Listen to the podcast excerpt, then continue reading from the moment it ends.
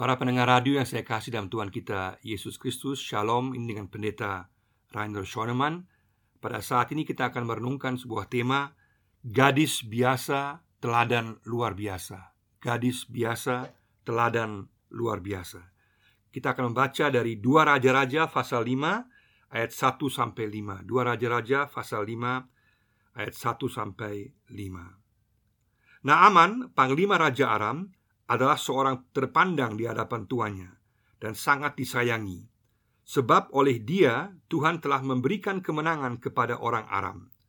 Tetapi orang itu seorang pahlawan tentara sakit kusta. Orang Aram pernah keluar bergerombolan dan membawa tertawan seorang anak perempuan dari negeri Israel. Ia menjadi pelayan pada istri Naaman. Berkatalah gadis itu kepada nyonyanya, Sekiranya tuanku menghadap nabi yang di Samaria itu, maka tentulah nabi itu akan menyembuhkan dia dari penyakitnya. Lalu pergilah Naaman memberitahukan kepada tuannya katanya, Begini, beginilah dikatakan oleh gadis yang dari negeri Israel itu. Maka jawab Raja Aram, Baik, pergilah, dan aku akan mengirim surat kepada Raja Israel. Tema kita adalah gadis biasa, teladan luar biasa. Seringkali kalau kita membaca Alkitab, ada banyak nama-nama besar yang kita lihat sebagai teladan-teladan iman seperti misalnya Abraham atau Musa atau Daud atau Paulus, Petrus, Esther atau Ruth dan lain-lainnya. Pada saat ini kita akan melihat seorang pahlawan yang bahkan tanpa nama, seorang gadis tanpa nama yang hanya ada dua ayat dalam Alkitab, tapi dia merupakan teladan yang luar biasa dan kemudian menjadi berkat yang luar biasa, memiliki dampak yang luar biasa.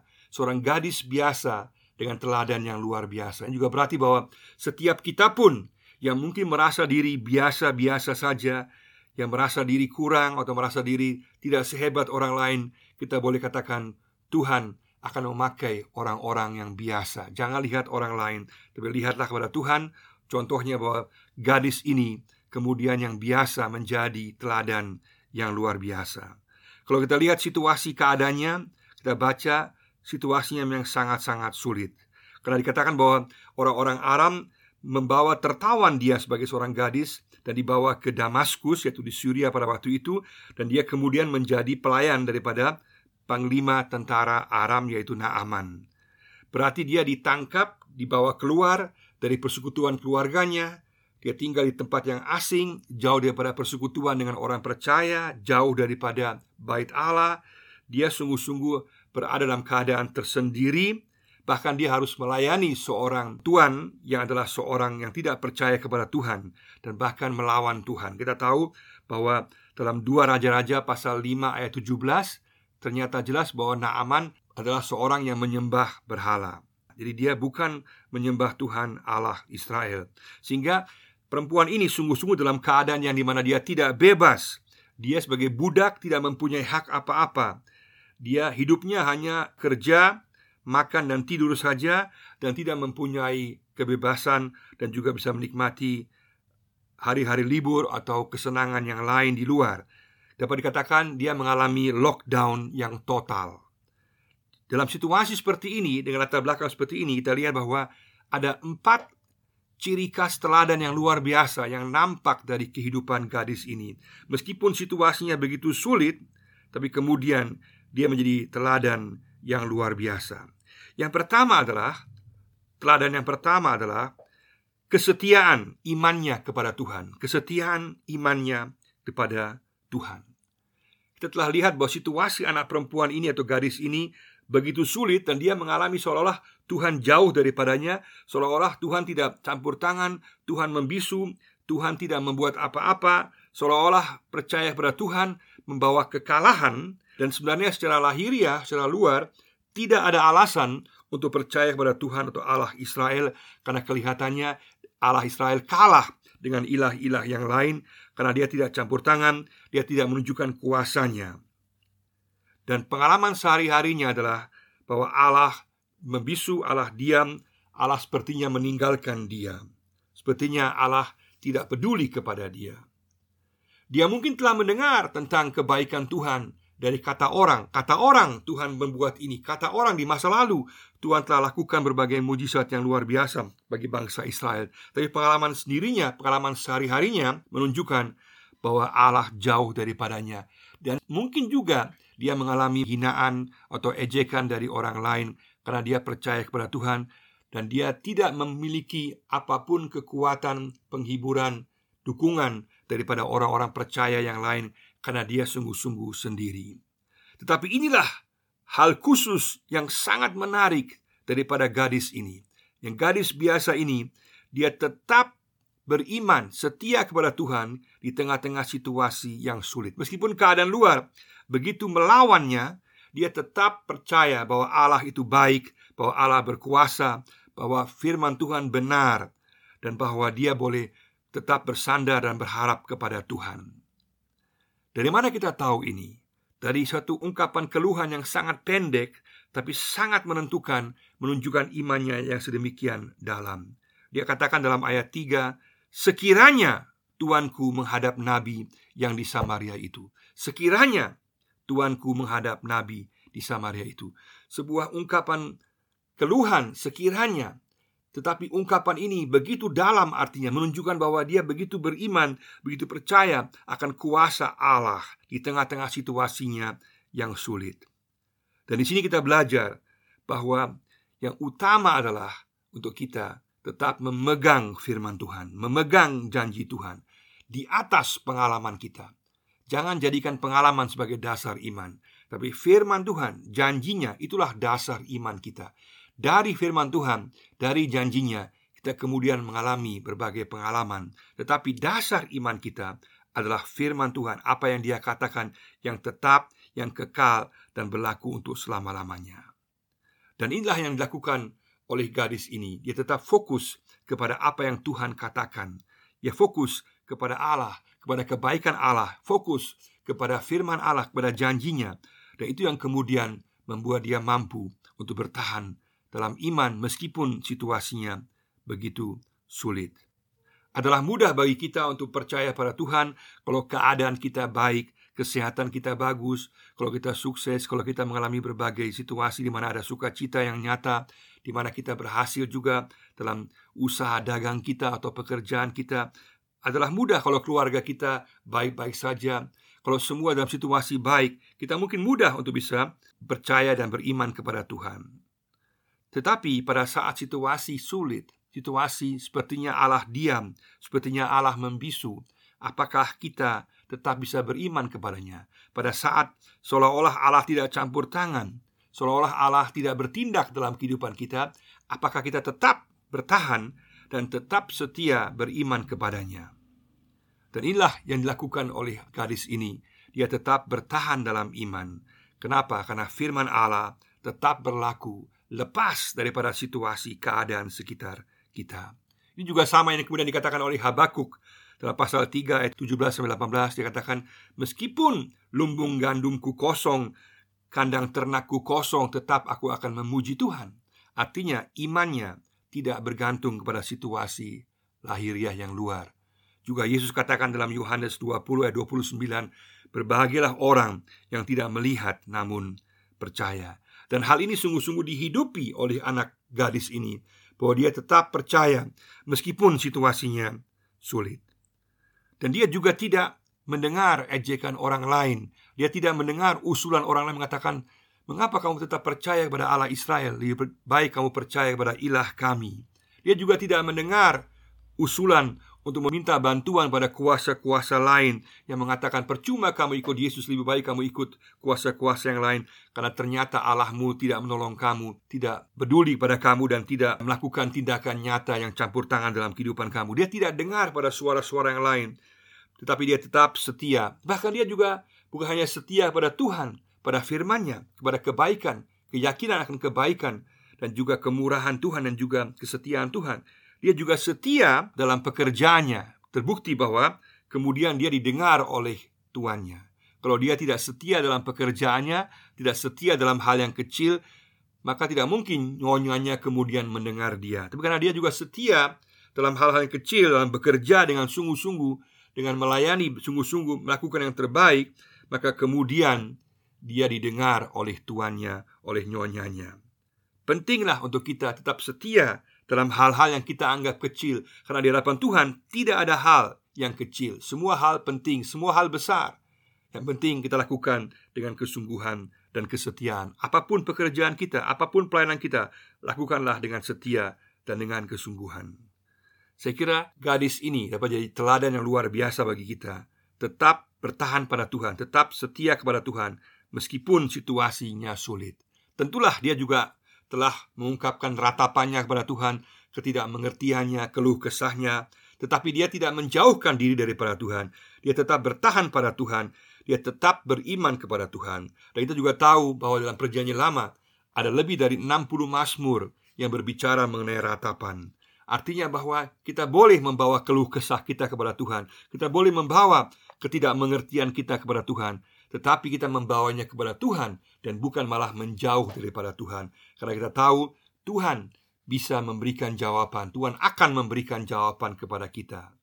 Yang sangat menarik adalah bahwa anak gadis ini memiliki gambaran yang sebegitu positif tentang Allah, Allah yang baik, Allah yang tetap akan peduli, dan Allah yang akan menjawab doanya dan Allah yang akan bertindak di masa depan walaupun saat ini kelihatannya tidak demikian.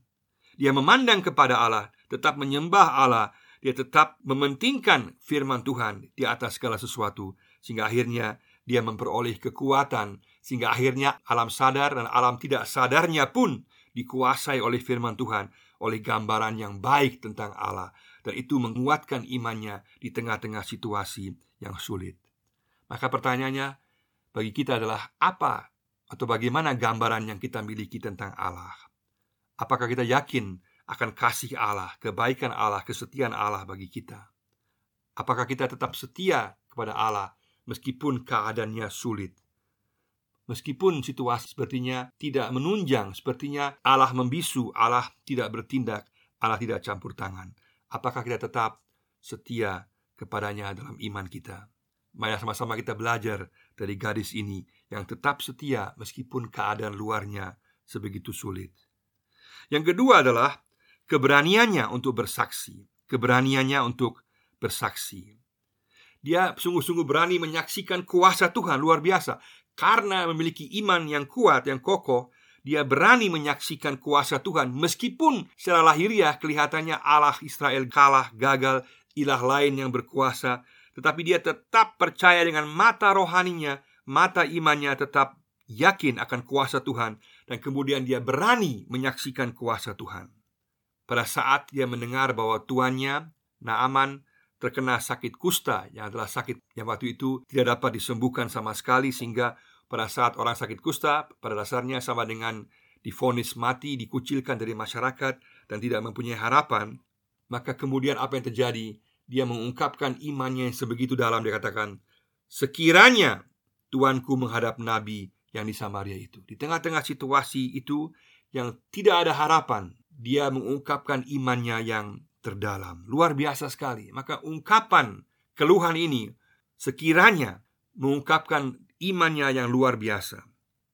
Pada saat kita mengalami situasi yang sulit, penderitaan, pergumulan, maka akan nampak sungguh-sungguh sejauh mana iman kita. Sebesar apa iman yang kita miliki, sedalam mana iman yang kita miliki. Adalah mudah berteori tentang Tuhan pada saat kita mengalami kebaikan Tuhan, tapi pada saat kita mengalami kesulitan, pergumulan, sejauh mana iman kita masih tetap kuat. Nah, pada saat yang sulit akan nampak mutu kualitas iman kita yang sebenarnya. Dan anak gadis ini menunjukkan mutu iman kualitas yang luar biasa. Karena pada saat segala sesuatu seperti yang menentang dia, tetap dia percaya bahwa Tuhan punya kuasa. Dan jangan lupa, keberaniannya untuk bersaksi juga memiliki resiko yang sangat besar. Karena pada saat itu, pada waktu itu, kalau dia menyaksikan kuasa Tuhan, kemudian Naaman pergi dan tidak disembuhkan, maka bisa dia sendiri dijatuhi hukuman mati. Dia bisa harus membayar dengan nyawanya sendiri.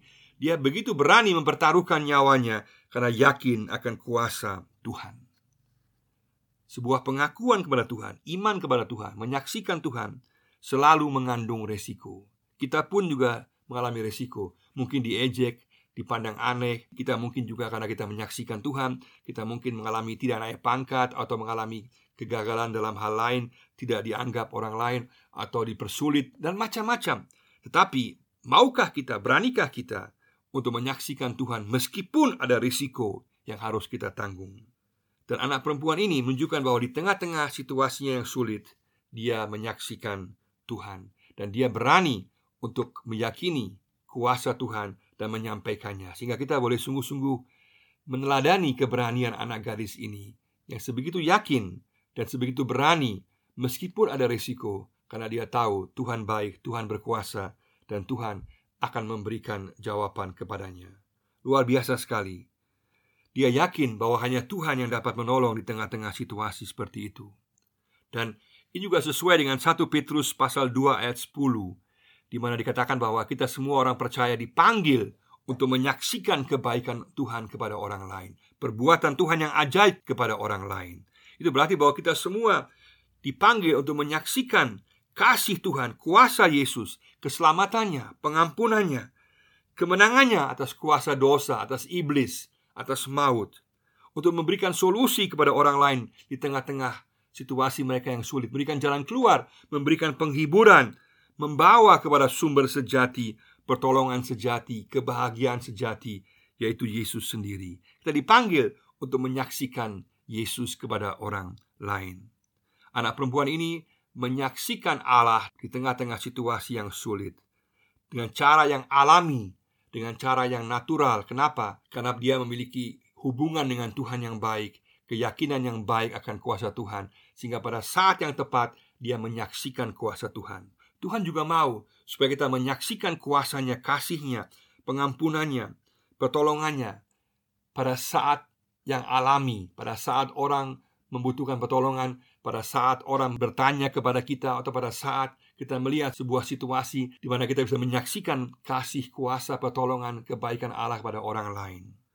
Maukah kita sungguh-sungguh berdoa pada Tuhan, bukalah mata saya, bukalah mata saya Berikanlah saya kesempatan untuk menyaksikan perbuatanmu yang ajaib Menyaksikan kasihmu pada orang lain Pengampunanmu, pertolonganmu, penyembuhanmu Dan juga memberikan pertolongan jalan keluar dalam kehidupan sehari-hari Maukah kita berdoa supaya Tuhan membuka mata kita Memberi kita kesempatan dalam kehidupan sehari-hari kita Saya mau katakan kalau kita berdoa demikian Ini doa yang bahaya Karena Tuhan pasti akan jawab Tetapi kalau Tuhan jawab, sesuatu yang luar biasa akan terjadi. Kita mungkin menganggap pelayanan kita biasa saja, tapi hasilnya akan luar biasa. Karena Tuhan akan memberikan jawaban kepada kita. Tuhan akan campur tangan. Maka pelayanan yang kita anggap biasa kemudian akan menjadi suatu hal yang luar biasa dalam tangan Tuhan. Bersama-sama kita melihat belajar untuk berani menyaksikan Tuhan dalam segala situasi kehidupan kita kita harus berhenti untuk membandingkan diri kita dengan orang lain. Jangan kita lihat orang lain, pelayanan orang lain. Di sini bisa saja gadis itu menganggap, oh Elisa yang hebat, Elisa yang punya karunia untuk menyembuhkan. Tetapi sebetulnya yang paling utama di sini bahwa anak gadis ini menunjuk kepada Elisa, dia menunjuk kepada Allah, dia memiliki peran yang sangat-sangat penting. Artinya setiap kita memiliki peran yang penting setiap kita dibutuhkan oleh Tuhan. Tuhan mau pakai kita untuk menyaksikan kebaikannya bagi orang lain. Maukah kita? Jangan anggap remeh diri kita. Jangan merasa minder, tapi katakan Tuhan, pakailah aku. Aku mau menyaksikan perbuatanmu yang ajaib dalam lingkungan kerja, dalam keluarga, dan di mana pun aku berada. Yang ketiga, teladan yang ketiga adalah kasih atau kasihnya kepada musuh kasihnya kepada musuh. Itulah teladan yang ketiga, kasihnya kepada musuh. Luar biasa sekali kalau kita lihat, Naaman sebetulnya adalah musuhnya. Karena dia ditawan, ditangkap, dia harus bekerja paksa di rumah Naaman. Secara manusia, pikiran dia bukanlah pikiran kasih. Kalau kita manusia dalam bahasa Papua, kita mungkin pikir, akhirnya Tuhan Tokiko, akhirnya Tuhan hukum dia yang selama ini telah menangkap saya, memenjarakan saya, mengerjakan saya secara paksa. Akhirnya Tuhan hukum orang yang sungguh-sungguh jahat, orang yang sungguh-sungguh melawan Tuhan, orang yang melawan saya dan mati yang menindas saya, akhirnya Tuhan melakukan keadilannya. Itu mungkin reaksi manusia yang biasa. Tetapi sama sekali tidak ada rasa dendam dalam diri gadis ini. Dia bahkan menunjukkan kasihnya yang luar biasa. Dia mencari solusi bagi tuannya. Bagaimana tuannya bisa disembuhkan. Dan inilah contoh bagaimana mengasihi musuh, bukan dengan kata-kata yang besar, tapi dengan cara peduli, dengan cara mencari solusi dalam permasalahan yang dihadapi oleh Naaman. Hal yang sama juga Tuhan inginkan agar kita juga mengasihi musuh kita. Walaupun situasi kita sulit, walaupun kita ditekan, ditindas, kita boleh tetap mengasihi orang yang menindas kita atau mempersulit kehidupan kita. Jawaban kita janganlah balas dendam, tapi kasih. Sejauh mana ini telah nampak dalam kehidupan kita. Jelas ada hal-hal yang berkaitan dengan penindasan, berkaitan dengan sosial masyarakat secara umum yang harus diselesaikan secara politik dan juga secara kemasyarakatan dalam pemerintahan. Tetapi pertanyaan adalah sikap hati kita sebagai orang percaya, sebagai pengikut Yesus. Apakah kita dikuasai oleh rasa dendam, benci, ataukah kita dikuasai oleh kasih? Dalam Matius 5 ayat 44, Yesus berkata, Kasihilah musuhmu. Dan inilah yang sungguh-sungguh dihidupi oleh anak gadis ini yang luar biasa. Secara praktis dia menunjukkan kasihnya kepada Naaman walaupun keadaannya sulit. Dan secara manusia ini jelas tidak mungkin. Untuk kita sekarang kita diberikan Roh Kudus. Dalam Roma 5 ayat 5 dikatakan bahwa Roh Kudus telah dicurahkan dalam kehidupan kita. Roh Kudus inilah akan memampukan kita juga untuk mengasihi orang lain, mengasihi bahkan mengasihi musuh yang menindas kita. Ada banyak sekali kesaksian dari orang Kristen yang mampu untuk mengasihi, mampu untuk mengampuni pada saat mereka mengalami penindasan, penderitaan yang luar biasa. Bukan karena mereka hebat, tapi karena Yesus, kuasa Roh Kudus yang hebat yang memampukan mereka untuk mengasihi. Tentulah anak gadis ini lebih suka bebas, lebih suka ada dengan keluarganya, lebih suka dalam persekutuan dengan orang percaya di Israel dan dia merasakan banyak sekali penderitaan. Tetapi dalam situasi yang menentukan, dia menunjukkan kasihnya, sungguh sebuah teladan yang luar biasa. Dan yang keempat, ia menjadi berkat dan memperoleh berkat. Dia menjadi berkat dan memperoleh berkat. Sebagai hasilnya, dia menjadi berkat. Anak gadis ini menjadi berkat. Kita tahu kemudian bahwa Naaman disembuhkan secara luar biasa oleh Nabi Elisa. Dia menjadi berkat bagi orang lain. Dan dia tentu kemudian juga memperoleh berkat dalam keluarganya. Kita tidak tahu apa yang kemudian terjadi, tapi pasti Naaman akan memperlakukan dia dengan baik. Mungkin dia juga dibebaskan. Kita tidak tahu, tapi dia memperoleh berkat yang nyata bahwa kehidupannya berubah dalam tangan Tuhan. Yang menentukanlah bahwa dia menjadi berkat. Dan Tuhan juga mau supaya kita menjadi berkat. Pada saat kita beriman, pada saat kita setia beriman dalam keadaan yang sulit, kita akan jadi berkat bagi orang lain. Pada saat kita menyaksikan kebaikan Tuhan bagi orang lain, dalam keadaan yang sulit, maka kita akan jadi berkat bagi orang lain. Pada saat kita menunjukkan kasih kita, bahkan kepada musuh kita atau orang yang menindas kita, maka kita akan menjadi berkat bagi orang lain.